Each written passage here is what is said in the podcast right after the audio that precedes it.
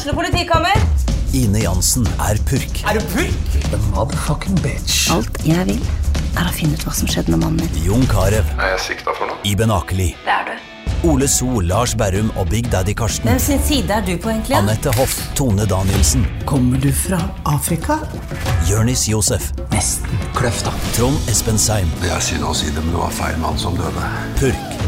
Premiere tirsdag på TV2 Play. Så jeg aner ikke hvor mange ganger jeg var innom SUS. Ganske mange ganger. Og den ene gangen da blødde jeg så mye, husker jeg at gynekologen satte ei bøtte under. Og hun Men de sendte meg bare hjem hver gang.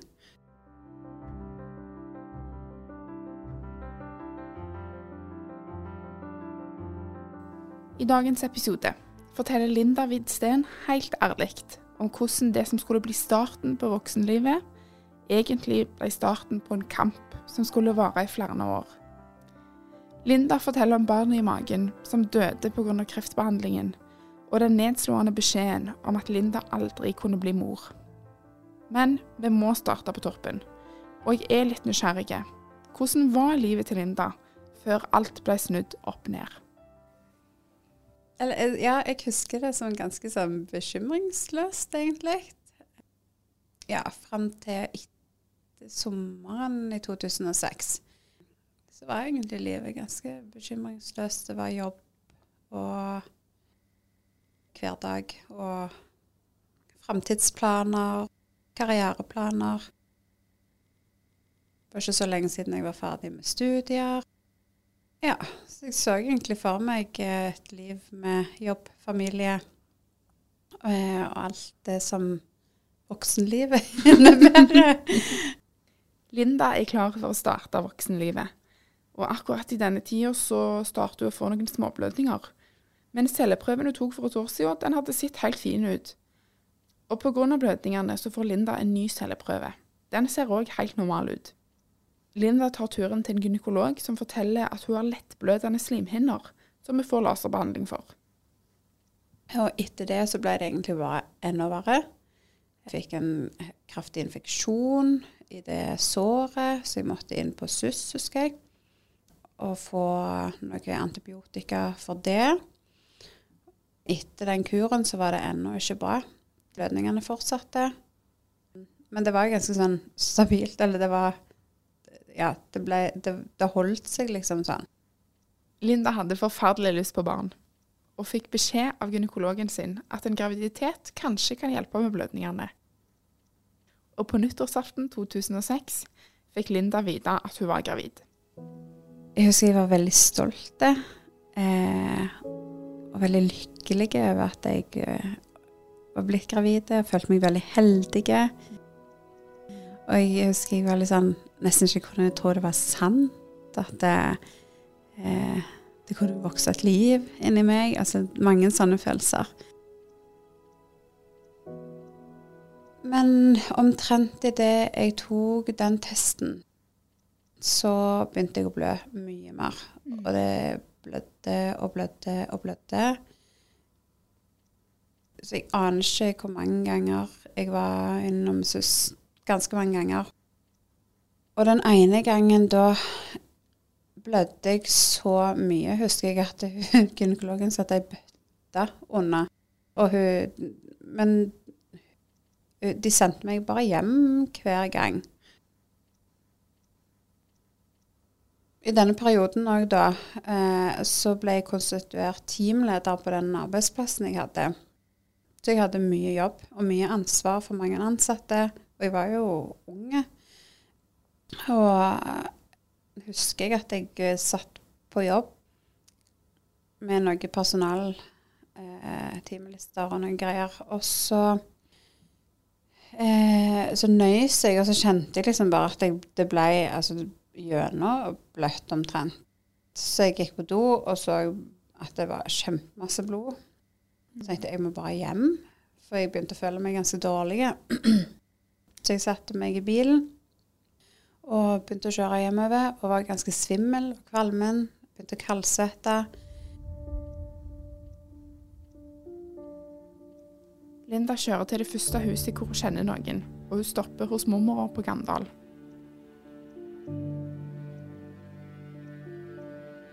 Eh, og når jeg kom inn der, så fikk hun helt sjokk, for at jeg var begynte å bli blod på leppene. Altså, jeg så ut som jeg.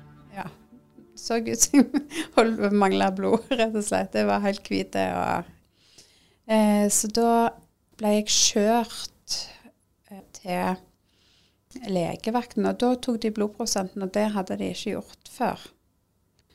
Når de tok blodprosenten, så var den veldig lav. Da ble jeg sendt rett til SUS. Jeg tror jeg var 16 uker på vei, mm. så jeg hadde jo gått ganske lenge da. Linda blir sendt til en gynekolog, som ikke engang klarer å undersøke henne. Linda blør så enormt mye. Situasjonen var kritisk, og Linda måtte få blodoverføring før hun kunne bli lagt i narkose for å undersøkes. Og når hun våkner opp fra narkosen, får hun beskjed om at blødningene skyldes muskelknuter. Jeg var bekymra, men jeg ble beroliget av at det bare var muskelknuter. Og så um, idet jeg altså, var satt og venta på å bli skrevet ut, så kommer det ei sykepleier som er veldig alvorlig, og sier at jeg eh, eh, skulle inn og ha en sånn samtale med en lege, da. Det syns jeg jo var litt rart, men gikk inn der. og setter meg ned, og så sier han at eh, jeg må dessverre si at du har livmorhalskreft. Mm. Han bare sa det med en gang. Og du kan mest sannsynlig ikke beholde barnet. Det var liksom den beskjeden jeg fikk. Og, så, og da raste jo på en måte verden. Og jeg eh, gikk inn i en sånn jeg tror, en sånn sjokktilstand. Så det jeg spurte om, var om jeg kunne gå på do. det var liksom min reaksjon. Fordi Linda var gravid, var det vanskelig å se hvor langt kreften hadde kommet, så hun måtte sendes videre til Haukeland. Og de første to ukene der husker jeg nesten ikke. Jeg husker det var undersøkelser, jeg husker det var den ene nedslående etter den andre. For når jeg kom opp der først, husker jeg at de skulle operere. Og da tenkte jeg at nå blir jeg iallfall altså ikke gående i denne tilstanden så lenge. Men så kom han legen inn som jeg hadde der oppe, og sa at eh, når de hadde liksom fått eh, resultatene av CT og MR og alt det de tok, så sa han at eh, de torde ikke å operere. Hvis noe hadde gått galt under operasjonen, så hadde det vært fare for å spre kreftceller i hele kroppen til Linda. Det eneste alternativet er å gjennomgå strålebehandling og cellegift. I fem uker får Linda strålebehandling hver ukedag og cellegift. Når Linda er i uke 22 i graviditeten, så dør fosteret pga. behandlingen. Og ei uke seinere må det dø av fosteret ut. Linda skal føde. Og så var de veldig opptatt av at jeg skulle ikke ha vondt. Så jeg fikk masse morfin.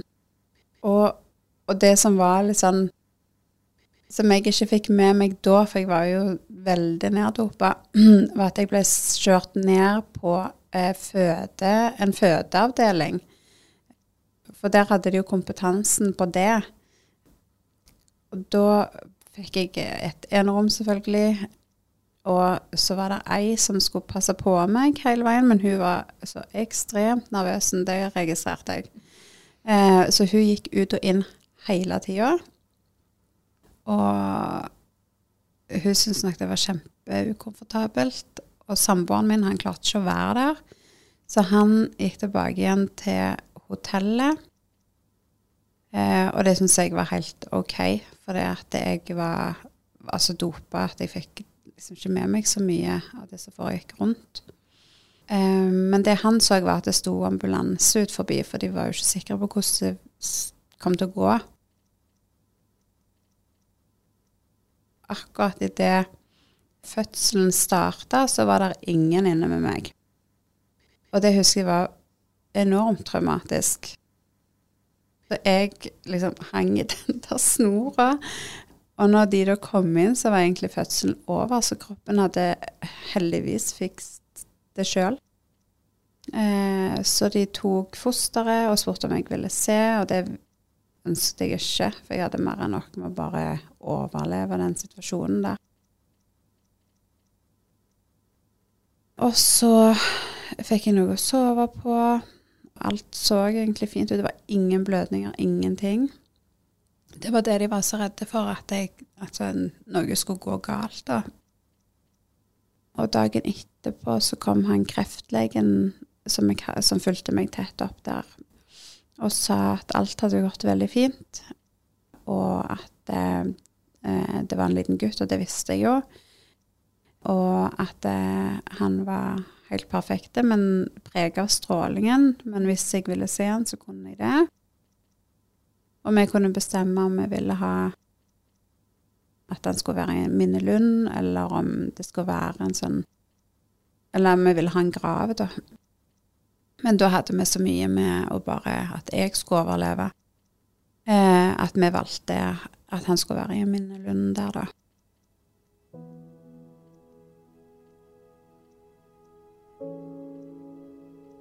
Og på mange måter så var det en lettelse når det var over, for det var så um, sånn pining å gå og vente, for du vet at det er uunngåelig, og så må du allikevel gå og kjenne liksom på at det, du har jo et liv inni deg som ja, du ikke kommer til å overleve, da. Det som Linda forteller om, er dramatisk, og jeg syns det er vondt å høre på. Det er òg tydelig at historien hennes ikke har ødelagt det sprudlende humøret hennes. Og når hun forteller videre om tida etter fødselen, så kan vi nesten ikke annet enn å få galgenhumor, og vi må le litt av det hele. Jeg fikk eh, oppfølging av en psykiatrisk sykepleier underveis. Hun, hun var OK, hun, men hun var, hun var frivillig barnløs. Så hun hun hadde veldig fokus på at livet kunne bli veldig fint uten barn. Og jeg følte jo ikke det. Så for meg så i ettertid Hun ville nok på en måte gi meg litt sånn Ja, hva skal jeg kalle det? Håp om et godt liv, på en måte, oppi alt det som er vondt. For jeg var ikke fokusert på det med kreften overhodet, nesten. Jeg var veldig fokusert på at jeg ikke kunne bli gravid igjen. Det var min store, store sorg. Eh, så når hun var, vel, var, der at eh, livet er veldig fint og flott uten barn, og hun er veldig på meg likte unger Sånne ting. eh, så, så, hun ønsket nok at jeg på en måte skulle eh, Hva skal jeg si Være litt glad, da. Jeg hadde det ikke så kjekt, så hun ønsket nok at, å få fram litt sånn håp og litt framtidshåp. Og, ja. Mm, men du var ikke helt der? Jeg var kanskje? ikke helt der. Um, så, så, det var jo på mange måter godt å ha hun der, for at hun passet godt på meg. Og jeg husker det var en lege som sa til meg at um, ja, du kan aldri få barn igjen. Mm. Uh, det var liksom innkomstsamtalen, dette her. Og det er rart, for det har liksom brent seg sånn fast. Um, og så sier hun at jeg òg har mista et barn. Å ja, sier liksom samboeren min. Men jeg har fått tre etterpå.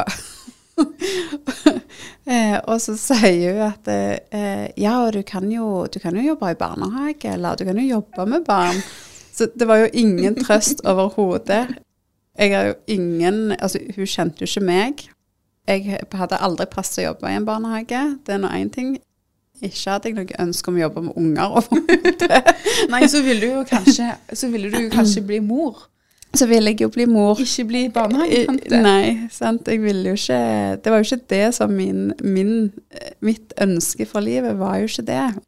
Og det var ingen trøst. Det var bare veldig provoserende. Mm. Og jeg husker jeg gikk ut og var, jeg var så rasende på den legen. Det forsto hun sykepleieren veldig godt. Så hun sa ifra om at den legen skal ikke snakke med Linda igjen. Hun eh, skal bare holde seg helt vekk fra den saken her. Så hun slapp jeg å se igjen, da. Når alt var over og jeg kom hjem, så, så var det akkurat det begynte å synke litt inn. For når du står i en sånn en ekstrem krise og sorg og Eh, så kan du liksom ikke Eller jeg opplevde iallfall at følelsene på en måte ikke ble helt sluppet løs, selv om jeg satt i den her sorgen hele tida, så var det veldig sånn overlevelsesmodus òg. Du er der jo for å overleve, på en måte. Eh, og har jo stått i en eh, potensiell livsfare i mange, mange uker.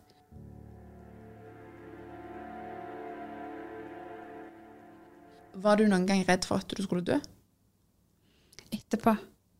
Ikke underveis der. Da hadde jeg nok med å overleve. Så ikke under behandlingen var jeg redd for det. Ikke så jeg kan huske, i hvert fall. Um, men når jeg kom hjem, og det ble rolig, og jeg ikke hadde folk rundt meg hele tida, for det hadde jeg jo hatt i mange, mange uker, helt fra diagnosen eh, Livet måtte jo fortsette for alle, og det føltes det jo ikke som det gjorde for meg. Så da begynte alle disse tankene å komme. Og da hadde jeg eh, en enorm redsel for at eh, For å få tilbakefall.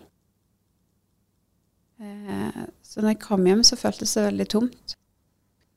Jeg hadde liksom Jeg hadde jo begynt å få litt mage, og magen var der ikke lenger. Og jeg visste at jeg aldri skulle få oppleve det igjen. Og jeg husker jeg hadde sagt til mamma at dere må rydde vekk alt. Alt som vi hadde forberedt på forhånd. Hadde, eh, jeg hadde masse sånn gravide magasiner liggende, og jeg tror jeg hadde noe gravidklær, og jeg tror jeg hadde kjøpt noe babyklær. Altså, ja. Når det liksom var over de der magiske tolv ukene, mm. så begynte jeg på en måte å forberede meg eh, mentalt på at nå er det veldig stor sjanse for at det skjer. Og så hadde mamma glemt, eller ja, hvem nå som hadde vært og rydda, glemte å ta vekk et blad eller to. Og da, når jeg så det, så var jeg helt aleine. Og da knakk jeg helt i sammen, husker jeg. Det var um, helt sånn forferdelig å få den der påminnelsen for det, var, det føltes som et annet liv. Og det var jo bare noen uker som skilte liksom den der du går og lykkelig gravide. Selv om jeg hadde veldig store utfordringer i graviditeten, så var jeg jo eh, Så trodde jeg jo ikke at det var noe som var så farlig. Mm. Eh, selv om noe i meg sa at det var, var noe som var veldig galt, da. imens vi var i Bergen, så så vi på TV 2, tror jeg det var. Og da kom det tilfeldigvis en dokumentar om en som hadde fått to jenter ved hjelp av surrogati. Og da sa samboeren min at det skal vi òg gjøre. Vi finner en løsning. Eh, så det var liksom det som ble litt sånn håpet for meg når vi var i Bergen, da. Linda kan altså aldri bli gravid igjen, men hun vet at hun har lyst til å bli mor. Mens hun fordøyer alt som har skjedd med kreften og graviditeten, jobber hun òg med å finne mer informasjon om surrogati. Det er ikke lov å få barn ved surrogati i Norge, så dette må skje i utlandet. Det var en lang prosess, og det var viktig for Linda og samboeren at surrogatien skjedde på etisk vis. Og to år etter at Linda mista barnet i kreftbehandlingen, reiser paret til Mumbai for å starte hele surrogatiprosessen.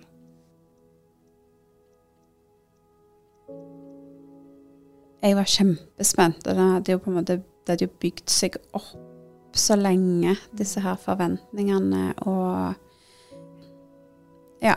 Det var Det var veldig spesielt. Nesten sånn ubeskrivelig denne reisen der. Så vi reiste ned der og traff eh, legene og ble veldig godt ivaretatt. Bare noen måneder etter den første turen til Mumbai får Linda og samboeren beskjed. Surrogaten er gravid med tvillingpar. Og det de ikke vet helt ennå, er at de skal bli foreldre til to små jenter. Jeg var veldig, veldig Altså, jeg torde liksom ikke glede meg. Jeg torde ikke kjøpe noen ting. Mm. Eh, og det tror jeg var litt for det at jeg hadde vært igjennom det som vi, altså, jeg var igjennom med min kropp, og alt det som hadde skjedd der. Jeg, prøv, jeg, jeg klarte liksom ikke å slippe Altså, jeg var jo veldig glad og veldig lykkelig. Og jeg husker når jeg fikk beskjed om at det var tvillinger, så var jeg faktisk hos hun ene som, eh, som er i dag òg er veldig god venninne. Eh, som òg eh, hadde fått samme beskjed. Eh, altså de òg eh, gikk gjennom surrogati og samme klinikk, så jeg var hos henne da. Og da husker jeg vi spratt champagnen og lo litt av det. Haha, hvem gravide kan gjøre det, på en måte. um, Fem uker før surrogaten har termin, reiser Linda og samboeren tilbake til Mumbai. Og bare ei uke etter blir to friske jenter født. Og når jeg ser på Linda som forteller om dette, så kan jeg nesten se at hun går rett tilbake i samme lykkerus som hun hadde den gangen. Det hotellet vi var på, der var det eh, mange i samme situasjon, og mange av de hadde eh, sånn eh, nannies eh, som, de, som de fikk fra sykehuset, da, så de betalte litt ekstra for å ha hjelp. Men det skulle ikke jeg ha, for eh, jeg hadde valgt å få unger sjøl, og da skulle jeg klare dette sjøl. Men det som jeg på en måte ikke tenkte på da, var jo at de fleste har jo familie rundt seg, og folk som er der sant, når du får barn. Eh, vi hadde jo ingen. Og jeg var så livredd for at det skulle skje noe med dem, så jeg, jeg sov nesten ikke, for jeg måtte sjekke dem hele veien. Og i begynnelsen skulle de ha mat annenhver time.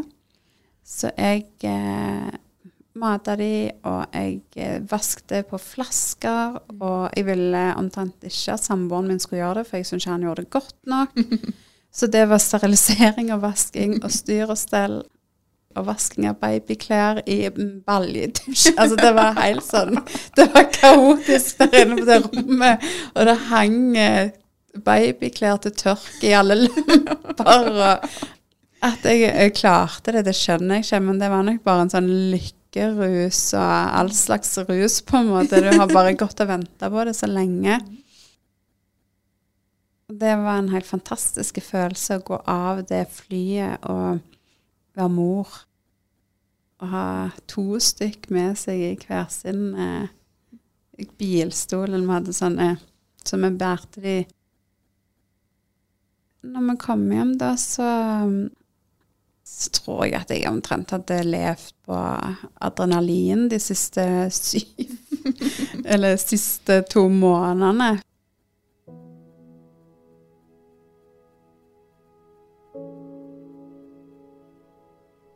Har du noen gang slutta å være redd for at noe skal skje med dem?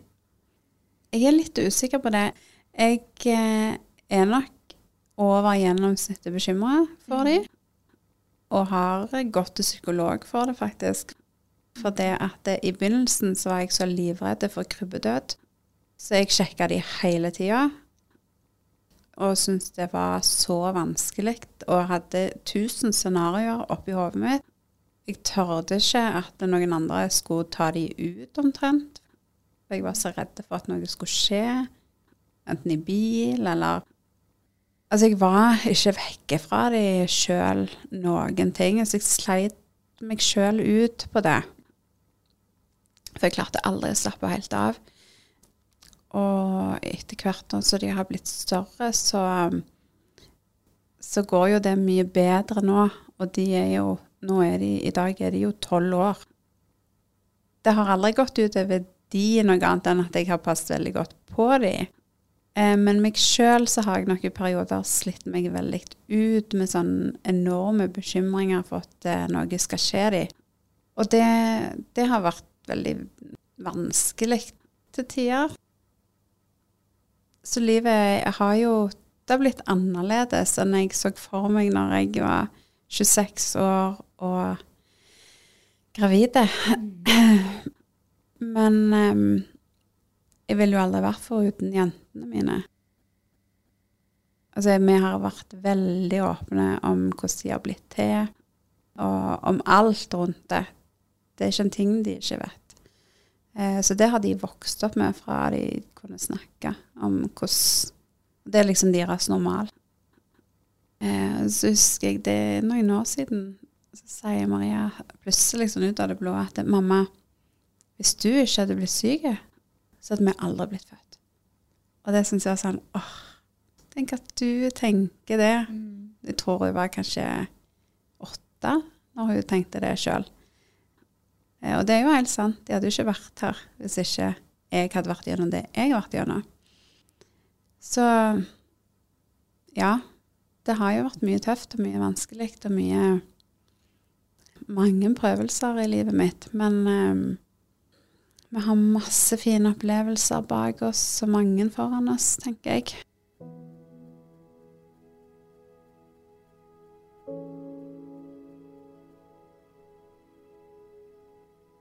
Selv om jeg i dag er er jo preget av den behandlingen som jeg gikk igjennom òg. Det var jo en kjempetøff behandling. Og strålebehandling mot bekkenet, det er jo en av de kreftbehandlingene som gir størst seinskader, da. For det påvirker så veldig mange organer. Det er jo ikke bare livmorhalsen som blir stråla. Det er jo alt foran og alt bak og alt eh, rundt omkring. Og jeg hadde jo eh, spredning til lymfene i lysken, tror jeg det var. Så, så, mye har jo blitt strålt, og jeg har jo en del stråleskader og senskader både etter strålingen og cellegiftbehandlingen, som jeg lever med. Og det går jo greit, mm. men klart du blir, Jeg ble jo aldri sånn som jeg var i kroppen. Og nå har jeg jo levd med det i 16 år, blir det vel. Mm. eh, og det er liksom blitt sånn min normal. Jeg, altså, jeg tilpasser på en måte livet mitt litt ut ifra hvordan jeg eh, Hvordan formen min er, da. Hele resten av livet til Linda har blitt prega av kreften, og at han ble oppdaget så seint. Og jeg lurer litt på hvilke tanker hun har når hun ser tilbake på den tida eh, Altså, jeg vet at jeg kan dø. Og det fikk jeg smertelig kjenne på i veldig ung alder. Og de aller fleste har jo heldigvis ikke den, det i bagasjen, da. Eh, og når du er 26 år, så det, går man ikke rundt og tenker på at man skal dø en gang, som regel. Og det, jo, det gjorde jeg veldig mye. og ennå den dag i dag så så er, er det en, en sånn det, altså det er en tanke, eller en, en, eh, en, angst, som nok alltid kommer til å være der. Eh, for hvis jeg merker noen symptomer jeg ikke har kjent før, eller kjenner en kul en plass, eller tror jeg har en føfleks ikke ser helt altså Uansett så må jeg sjekke det. Jeg jeg går nok til legen heller mange ganger for mye enn for lite, for at jeg er, er veldig engstelige for um, tilbakefall eller for å få kreft igjen andre plasser. Altså det er Ja. Jeg, jeg er mer engstelig for, de, for det enn en andre på min alder, tror jeg. Så jeg tror aldri jeg blir den jeg var, hvis jeg kan si det sånn. Altså, jeg tror ikke jeg, tror jeg gikk inn på Haukeland på en måte som en person og kom ut som en annen, mm. hvis jeg kan si det sånn. Altså, jeg tror jeg har vært igjennom så mye traumatisk at det, det vil nok alltid være med meg, på en måte. Før jeg ble syk, så var jeg nok veldig mye en sånn Og det er jeg jo ennå. Jeg tror mange opplever meg som veldig smilende og um, sosiale og glade og eh, lett å snakke med. Eh, men det preger meg nok på en måte som ikke så mange ser nødvendigvis. Men jeg bærer det med meg, spesielt på vinteren. Eh, og det er liksom den der At jeg blir mye mer nedstemt og kan få mer angst for ting og blir mer redde for ting med kroppen min, f.eks., eller eh, med tanke på ungene. Mye sånt som eh, viser seg mer da. Eh, og jeg tror sjøl at det har en sammenheng med alt jeg har vært igjennom. Og at eh, den mørke tida gjør det på en måte vanskeligere. I ettertid har Linda vunnet i en erstatningssak. Det som skjedde med Linda, skulle ikke ha skjedd. Hun gjorde tilsynelatende alt rett. Hun gikk til gynekolog og stolte på det som ble sagt. Men celleprøvene hennes hadde blitt feiltolka. Hvis prøvene hadde blitt tolka rett, er det ikke usannsynlig at Linda kunne vært spart for alle traumene sine. Men det er jo sånn som hun sier sjøl òg, at hvis det ikke var for alt hun har vært igjennom, så hadde hun ikke hatt jentene sine i dag.